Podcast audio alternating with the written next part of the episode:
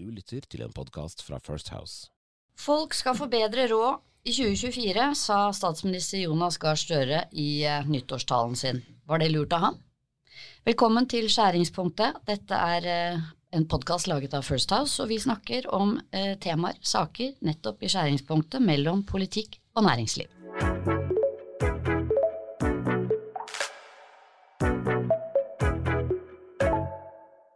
Mitt navn er Cecilie Ditlev Simonsen. Jeg er partner og rådgiver i First House, og det er de to kollegene jeg har med meg i studio også, Sigbjørn Aanes Hei, hei. og Jon Georg Dale. Ja, 2024 har jo allerede vart en ukes tid, eh, men vi har flere nyheter som eh, vi kan snakke om allerede. Vi skal også snakke litt om NHOs årskonferanse som, som skjer i morgen, tirsdag 9. Men først skal vi til eh, et av de faste innslagene våre, nemlig Ukas snak snakkis. Og da velger vi å ta tak i eh, statsministerens uttalelse første nyttårsdag i eh, nyttårstalen til det norske folk, hvor han lovet at vi kom til å få bedre råd i 2024. Og vi skal snakke litt om hvorfor han sa det, og om det var lurt. Sigbjørn? Ja, først og fremst, eh, vi kan godt diskutere om det stemmer eller ikke, og det er, det er folk som, eh, som, nok eh, kan norsk økonomi bedre enn oss. Men, men det viktige i politisk kommunikasjon, så, så er forventningsstyring utrolig viktig. Eh, det handler om å under-promise and over-deliver, og, og, og, det handler litt om at hvis, hvis, hvis man skal være fornøyd, så må du få det bedre enn du egentlig trodde. Da, da, kan vi dra tilbake til julaften igjen. Hva, hva gjør om barna dine er fornøyd eller ikke? Det, det handler veldig lite om hva, hva de åpner opp, men det handler veldig mye om hva de forventa de skulle få. Og, og, og, Derfor så mener jeg det er uklokt eh, av en statsminister å love folk eh, bedre råd i 2024. Fordi at For det første, hvis de får bedre råd, så har han allerede lovt det. Og hvis de, mange føler at de ikke får det bedre, eh, så, så, vil han påta seg på en måte noe av skylda med det. Og det, det tror jeg gjør at, at du får ikke noe, noe, uttelling uansett. Og så til altså kan du si, realiteten i det. Jeg tror det er kjempeskummelt, selv om du skulle få et godt lønnsoppgjør, selv om du får eh, bedre kontroll på inflasjon, selv om du kanskje skulle få første rentenedgangen på slutten av året, så tror jeg det er uklokt, fordi vi, vi ser nå ukentlig konkurser og permitteringer mange kommer til å få det tøft. Altså, mange kjenner seg ikke igjen i den virkeligheten Støre beskriver? Nei, de kjenner seg igjen. De, de, de opplevde langt mer usikkert og tøffere i 2024. Husk, siste renteoppgang den får ikke effekt før i februar på folk sine lån. Så, så det blir det, det, det, er veldig merkelig, spesielt med tanke på nyttårsintervjuet finansministeren hadde for 2022, hvor han lovte folk bedre råd, så viste det seg det gikk jo lukt åt skogen. Så, så, at man tør å fortsette dette også i år, det, det skjønner jeg ikke. Men Støre gjorde gjorde jo egentlig det samme da han um, oppsummerte 2023 som et uh, turbulent år. Så var det samme budskapet. Og um, hvorfor velger han å si det på den måten? Hvorfor vil han gi oss den beskjeden? Vi kommer til å få det bedre. Ja, Det er et, det er et spørsmål jeg har stilt meg mange ganger. fordi at sånn I hoved, alle hovedtrekk så er jeg jo enig med Sigbjørn i, i analyser på dette. Men, men jeg tror at i regjeringskretser nå så er psykologien litt snutt på hodet. Altså, det er for mange ting som er vanskelig. Så jeg tror de tenker at en eller annen må spre håp og optimisme og litt framtidstru. Og at de dermed velger å gjøre det. For det er klart at med det som nå utvikler seg i Midtøsten, det som vi har sett i Ukraina, den usikkerheten som mange har kjent på i dette året, så eh, er det jo en sånn menneskelig at hvis du bare tror at det nærmer seg slutten, så kan det være til styrke. Og det kan en jo mene at for en statsminister er det lurt å kommunisere til befolkninga si, sånn helt uavhengig av egen oppslutning og muligheten for å vinne neste valg og lignende. Det kan være noe sympatisk ved det. Men for øh, den politiske analysen vår, da, som handler om hva gjør dette med hans muligheter, så spiller han kortene sine altfor tidlig, og folk kommer i mange tilfeller til å få det verre før de får det bedre. og Det uh, tror jeg at, det, at dette kommer til å straffe seg. Det er det ene. Det andre elementet i dette som jeg tror er viktig å ha med seg, det er at når Jonas Gahr Støre starter den samme nyttårstalen med å si at uh, ytre omgivelser har påført oss alt dette, krig og elendighet og importert inflasjon og lignende, så høres det liksom ut som, om, som vi har en statsminister som må stole på flaksen. Og det er jo ingen som vil ha. Sånn at hvis han hadde sagt at han skal ta kraftfulle grep for å faktisk gi folk bedre økonomi, så hadde det vært én ting å politisk kommunisere det. Men han, he, han står egentlig litt med en tom verktøykasse og sier 'jeg tror likevel at det kan gå bra', men det Men det, det dette handler om, Stoltenberg var tror jeg, en mester på forventningsstyring. Foran hvert års statsbudsjett så dro han alltid ned forventningen. Nei var det nye ja, og det kom til å bli stramt, og det kom til å bli trangt, og det kom til å bli vanskelig. Og da er det sånn at ingen forventa å få noe. De, de, de, på en måte som ikke fikk kutt, var jo, var jo happy. Nå var det jo ingen som fikk kutt, men, men, men, men han var veldig god på det. Og sant, Lover du 40 milliarder til nye veier, så blir man ikke fornøyd hvis du får 35, men lover du 10 så blir du kanskje fornøyd med, med 25. Så det, forventningsstyring er viktig i politisk kommunikasjon, og, og, da er det veldig dumt å dra opp forventningene. Du bør heller snakke om at det blir tøffere, det blir vanskelig, men som regjering så har vi kontroll. Vi jobber hver dag med å gjøre det bedre. Det som er helt sikkert, er at Støre kommer til å bli konfrontert med disse uttalelsene gjennom hele dette året, og sikkert eh, året etterpå også. Mm. Dette er jo eh, første podkasten vi lager i 2024, og vi eh, har tenkt å snakke litt om de sakene som kommer til å prege mediedebatten, samfunnsdebatten, debatten i eh, norske bedrifter dette halvåret. Og mange bedrifter og bedriftsledere gleder seg jo veldig til i morgen. Det er liksom den store festen, det er å gå på NHOs årskonferanse. Skal du dit, Sigbjørn? Ja da. Og eh, Kan vi ikke snakke litt om hvorfor er denne konferansen blitt så viktig? Temaet i morgen er jo eh, lederskap og løsninger. Mm. Eh, og stort sett alt som kan krype og gå av privat næringsliv er der. Det sier kanskje litt om hvorfor det er viktig, men eh, er det så stas å gå dit? Det er først og fremst en både viktig møteplass, eh, pluss at det er ofte høyt nivå på, på innledere. Eh, grunnen til at det har blitt så viktig, er at NHO har ofte vært ganske flink på å sette dagsorden i mediebildet og debatten rundt temaet på årskonferansen, og gjerne med rapporter og kunnskap. Så, så man starter starta året egentlig med NHOs årskonferansen. De setter dagsorden. Og så er det ikke bare det som skjer i Oslo. Det, for det første så er det kvelden for kvelden, altså mandagen før årskonferansen, så er det mange av de regionale regionene har sine respektive arrangementer rundt omkring. Nord i sør, altså Nord-Norge, har et gedigent arrangement i Oslo hvert år før årskonferansen. Og i etterkant av NHOs årskonferanse så er det veldig mange regionale møteplasser hvor tema fra NHOs årskonferanse fortsetter å sette seg videre. Så det, det er rett og slett veldig dagsordensettende for uh, debatten og diskusjonen i Norge. Og til akkurat det så er jo da hovedtema lederskap og løsninger, og eh, innenfor det så kan man jo snakke, ta tak i mye og snakke om mye. Hva tenker du om det temaet? Temaet er jo veldig åpent. Eh, også det er klart at eh, 2024 er jo, det er jo verdens valgår. Aldri skal så mange mennesker gå til valg i verden som i år. Aldri, altså det er lenge siden usikkerheten for oss har vært større og pga. også verden der ute. Og vi ser jo at konkurransen med USA, EU og Asia gjør at lederskap og løsninger er viktig for det som også skal gjøres i Norge fremover. Så, så temaet er, er, jo potensielt veldig bra, men veldig åpent. Som du sier, man kan jo snakke om veldig my mye innenfor akkurat det temaet.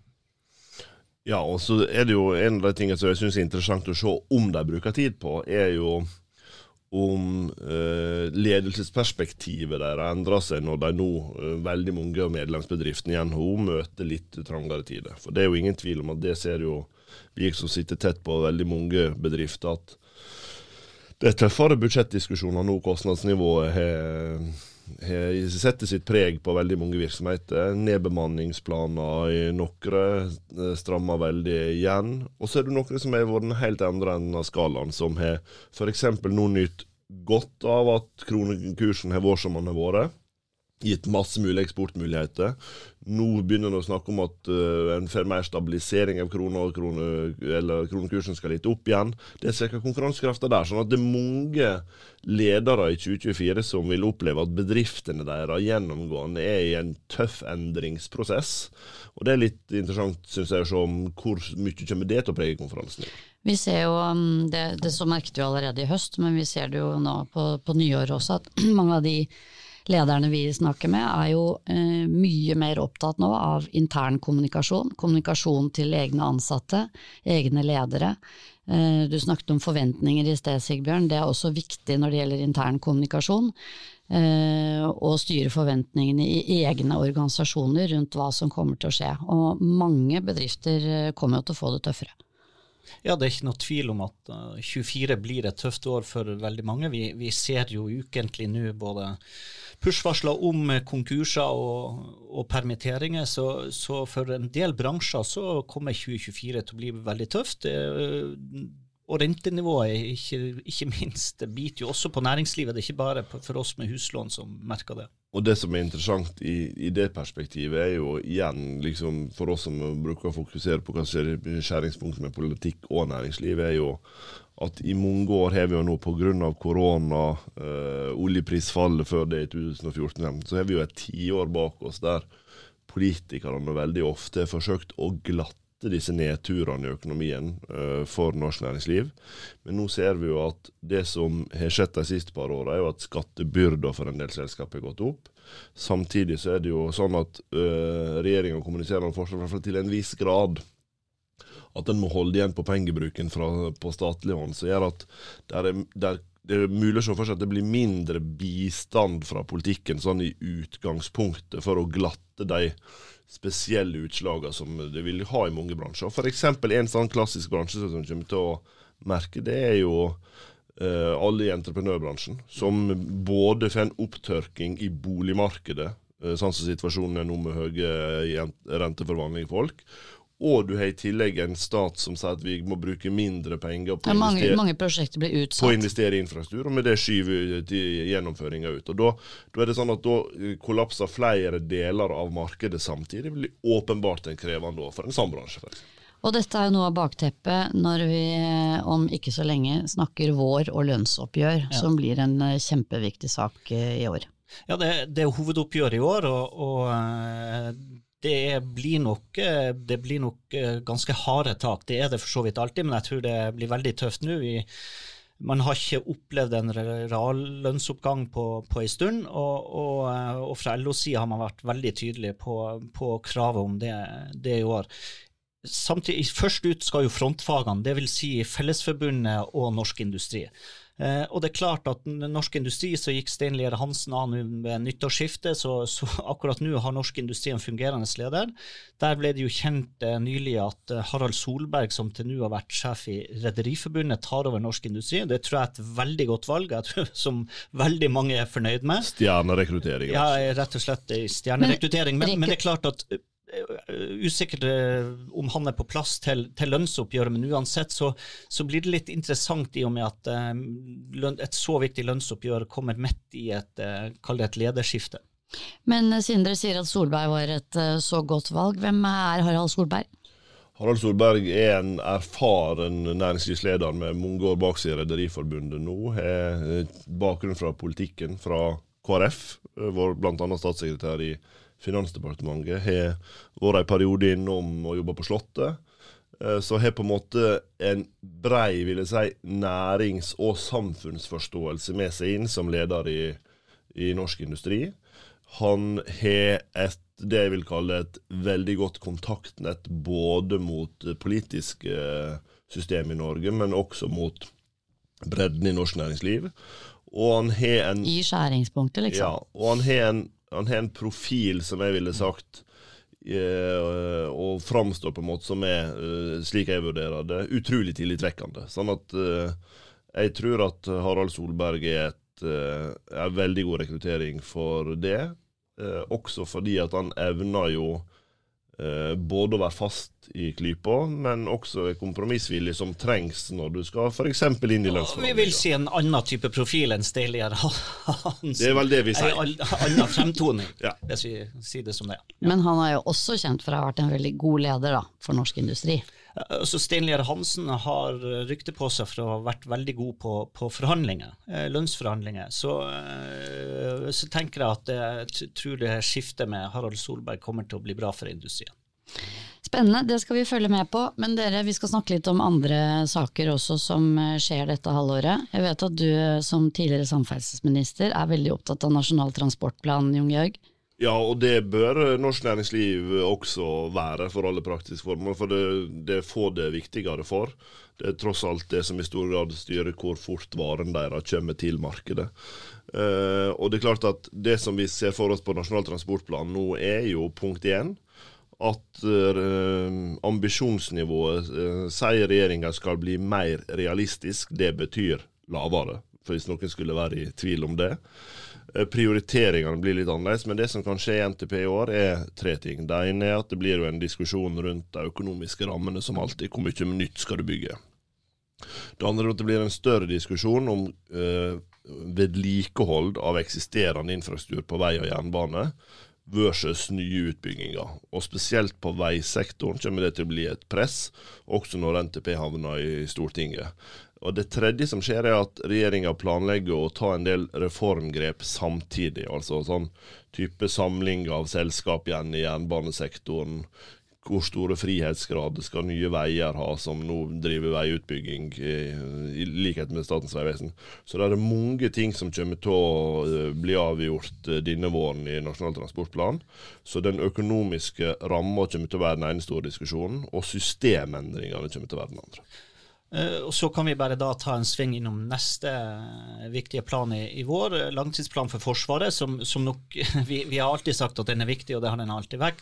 Men, men, den er nok viktigere enn på lenge. Eh, med den situasjonen vi står i, hvor vi har krig i Europa og vi ser russisk eh, aktivitet og angrep mot Ukraina er sterkere og større enn på, på lenge. Og Ukraina sliter jo med, med forsyninga av våpen. Eh, så det er klart dette blir en veldig viktig langtidsplan, og vi skal ha en langtidsplan med et forutsetning hvor både Finland og forhåpentligvis Sverige snart er med i Nato. Og, og der er nok det, det, absolutt viktigste at norsk politikk samler seg bredest mulig, sånn at vi får en forutsigbarhet også, og bredest mulig enighet om forsvarspolitikken eh, framover. Men det skjer også flere viktige ting. Eh, lite liste. Altså det, det, er jo 30 år siden vi fikk EØS-avtalen. Og, og, i april, begynnelsen av april sannsynligvis, så kommer det også ei EØS-utredning. Og den, den skal ikke norsk næringsliv undervurdere, fordi at EØS-avtalen er utrolig viktig for norsk næringsliv. Eh, men det er ikke sånn at vi nødvendigvis eh, er flinke til å forsvare og forklare hvorfor den er så viktig hver eneste dag. Så, så, i år burde man også bruke året alle sammen til å vise hvorfor EØS-avtalen er viktig for, de, for ulike selskap og virksomheter. Men ikke bare det kan være en diskusjon, men vi kan jo få den mottatte diskusjonen. Fordi at EU-motstanden i befolkninga er fortsatt stor. I deler av politikken er den det. Og det er klart at det som vi kan risikere, er at EØS-diskusjonen i år ikke handler om hvor avgjørende viktig norsk tilknytning til EUs indre marked faktisk var for Norge gjennom 30 år, men der du får en diskusjon om hvordan skal vi gjøre nye endringer i EØS-avtalen for å liksom uh, sørge for å ivareta de norske interessene på kort sikt, altså mer proteksjonisme. Og det, uh, enkelt sagt, Hvis det blir diskusjonen av EØS-utredninga, så ser den diskusjonen helt annerledes ut enn mange av oss egentlig skulle ønske oss. da. Fordi at her må vi bare huske at det er, spesielt vil jeg si fagbevegelsen, eller systemet, så er det EØS-oppslutninga kan vi si mildt sagt krevende. Sånn at hele EØS-utredninga er jo litt sånn indremedisin. Eh, så, så, så hvilken debatt vi får, blir Og nå, nå har jeg en bekjennelse, bare beklager, jeg må bare ta det inne på lufta. For jeg tror jeg er en av få mennesker i verden som virkelig elsker EØS-avtalen. Jeg elsker den for alt den er verdt. Tenk å ha Jeg har sjelden sett et sånt ja. engasjement, Jon Georg. Ja, men tenk å ha full ja, det er noe reagerte sier de også. Tenk å ha full tilgang til EUs indre marked, samtidig som du har eh, selvråderett på det nivået som Norge tross alt har hatt over forvaltning av ressurser og lignende. Altså. Det er ingen som ville klart å etablert en så god og gunstig avtale for Norge som EØS-avtalen er, på noe tidspunkt etter vi gjorde det. Så enkelt sagt, dette blir et herlig år for oss som er forsvarere av EØS-avtalen. Ja, dette er bare å glede seg til. Så eh, kommer også dette året, og det har Sigbjørn i hvert fall snakket mye om eh, i ulike sammenhenger før, kommer til å handle også mye om natur. Ja.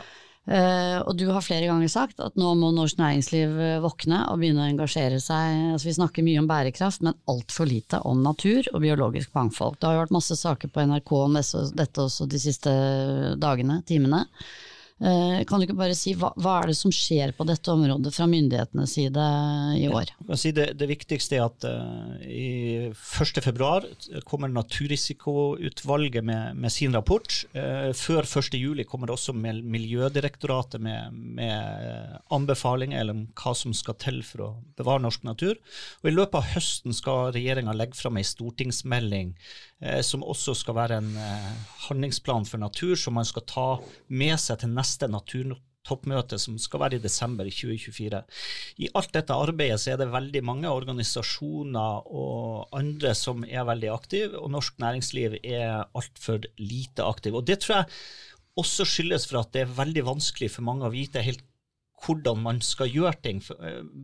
Eh, men det er det også for, for myndighetene, for det det, dette er krevende. Men, men, her må man bare komme ut og komme på banen. Hvis ikke så risikerer man å våkne opp med en del eh, vedtak og krav og andre ting som, eh, som viser vanskelig. Kan du, kan du, gi noen eksempler på det? For hvis man sitter da som bedriftsleder og hører om ok, jeg må engasjere meg mer i natur, hva, liksom, hvilke temaer er det, er det, snakk om? For det første så handler det jo om å bygge om kunnskap både om hele naturproblematikken Eh, hvorfor det er så viktig å bevare natur. Altså, lykkes vi ikke med det, så kommer vi heller ikke til å, til å lykkes med kan du si, klimakrisa.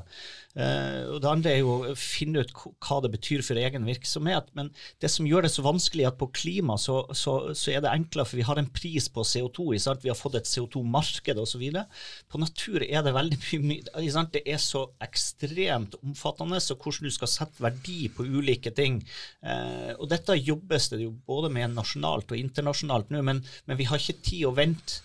Eh, sånn at uh, næringslivet må, må, bli mer aktiv. Men dette området kommer jo til å bli mye mer regulert. Det kan jo ha konsekvenser for uh, utbyggingsplaner, for sameksistens. Ja, ja mye, mye, mer enn i dag. Si, altså, vi, altså, vi, har jo en naturmangfoldlov, altså vi har en del ting allerede. Men, men, her kommer det til å skje mer. Dette kommer til å treffe Eh, veldig raskt, tror jeg, for entreprenør- og eiendomsnæringa. Det kommer til å treffe kraftnæringa ganske betydelig. Så, så, her er det bare å komme seg på banen. Men veldig mange i norsk næringsliv irriterer seg jo ofte over at politikken går for sakte. Her går politikkutviklinga om dagen vesentlig raskere enn norsk, mange norske bedrifter henger med. Og det som eh, du er inne på, Cecilie, som er helt rett, er jo at det kan resultere i, allerede i løpet av dette året, at det begynner å dette på plass regulatorisk rammeverk som bedriftene må forholde seg til, uten at de reelt sett punkt én kjenner konsekvensene av det, punkt to rekker å tilpasse seg eh, raskt nok, eller punkt tre kan påvirke hvordan regulatoriske rammeverket blir. Og Da mener jeg det er noe å lære i den naturdebatten som norsk næringsliv er på vei inn i, av den klimadebatten vi har hatt med oss gjennom ti år. For Der opplever jeg at nå er eh, næringslivet langt framme i skoene og går periodevis raskere enn politikken. Men det begynte litt på samme måte som naturdiskusjonen nå. og Det gjorde at vi også fikk noen suboptimale løsninger som ga konsekvenser for norsk næringsliv de ikke hadde trengt om å gjøre. Like, og, og det, det, mener jeg det er mulig å unngå hvis en tar tak i naturdebatten, men da kan ikke en vente til 2025 og 2026 og se dette litt an. Den diskusjonen kommer til å foregå det neste året. Bare et par ting til da, som, som, skjer i løpet av våren. Jeg tror Vi orker ikke å bruke mer tid på de habilitetssakene, fordi vi er ganske leie. av men der, kommer, eh, der, skal Stortinget behandle de nå i løpet av våren. De har vel frist i mars en gang. Eh, men det som er interessant å følge, som jo pågår nå, og som vil pågå de neste månedene, det er Nasjonal helse- og samhandlingsplan i, i nord. Eh, og det er ikke noe tvil om at dette er startskuddet for noe vi kommer til å se også i resten av landet. Og dette er, en, dette er kjempekrevende debatt. Dette er jo en av de der hvor det er vanskelig altså, å se litt mer kaldt på fakta versus følelser, for det, det blir veldig følelses... Uh, drevet. Men, det er ikke noe tvil om at uavhengig av hva man måtte mene eller ikke om, om det som skjer nå når det kommer til organiseringa av helse, er at vi har en utfordring både innenfor helse og andre områder med mangel på folk.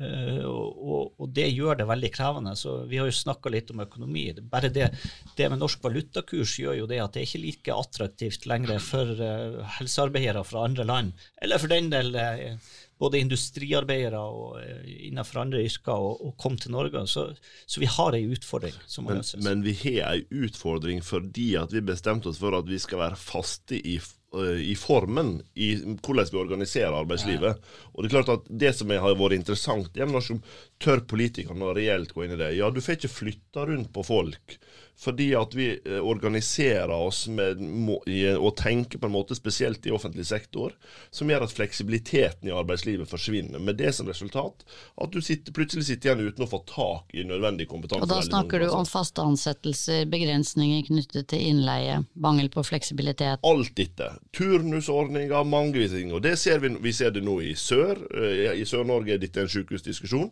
I Nord-Norge er dette en sykehusdiskusjon. Tidligere har vi hatt den på Vestlandet. Det er bare å gå tilbake til Liv Signe Navarsetes uh, opptreden på et sykehus i Nordfjordeid for mer enn ti år siden. Så, liksom, så denne diskusjonen er ikke ny, men den havner vi i hele tida fordi at det er noen ting som vi diskuterer, nemlig liksom hvor skal lokalsykehuset ligge, men vi diskuterer ikke de premissene som kunne vært endra for å liksom gi mer fleksibilitet i, i arbeidslivet. Det, det, tror jeg at denne diskusjonen også kan uh, reaktualisere. Mange spennende saker. Vi kommer til å følge med på dem og dele dem med eh, dere som eh, hører på oss. Eh, så dere, skal vi til eh, yndlingsinnslaget, til i hvert fall eh, oss tre som, som lager denne podkasten. Og det er ukens hodepine. Ja. Og det er riktignok noen dager siden jul, men uh, Sigbjørn har ikke helt uh, kommet over uh, erfaringene på julaften, Nei. og du får lov å dele dem med oss nå. Ja? Og, og dette er jo hodepine for meg, for jeg starta jo med, med, å snakke om viktigheten av forventningsstyring, og så har jeg fullstendig strøket sjøl på, på eksamen, nemlig julaften. Eh, og jeg var jo så dum at jeg tok med meg seksåringen på noe som heter Sprell, som er kanskje Oslos kuleste lekebutikk på lille julaften. Da dro jeg altså opp forventningen i taket til ei som i utgangspunktet hadde ønska seg vaniljesaus, parmesan, lakrispipe eller øredobber. Uh, og på julaften så pakka jeg inn uh, pakke i pakke, så det til slutt ble en stor pakke. Så jeg skapte forventninger om at her skulle det fantastiske dukkehuset fra Sprell leker uh, pakkes opp.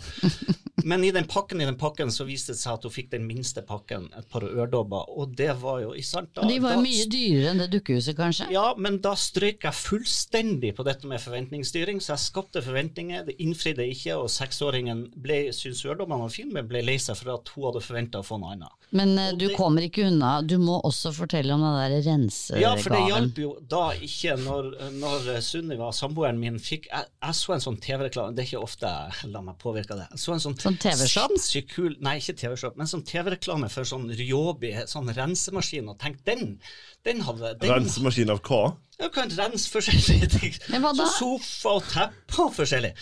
Du Så- ga ikke det til kjæresten Jo. Det fikk hun, blant annet skal sies. Altså- jeg fikk kjøkkenutstyr, og hun fikk renseutstyr. Og de har ikke vært sammen så lenge. Det høres ut som et varmt og hjertelig forhold. Men hva er... Jeg kjøpte også en genser, den bytta hun tredje juledag.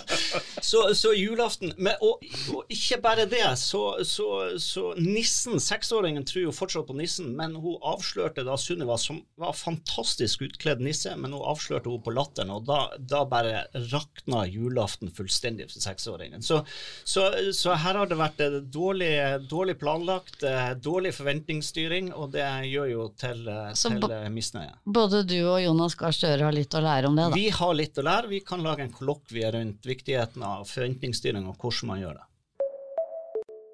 Da er det på tide å gå inn for landing. Vi har snakket litt om hva som skjer dette året. Masse spennende. Og i mellomtiden, takk for at dere hørte på oss. Del gjerne skjæringspunktet med andre. you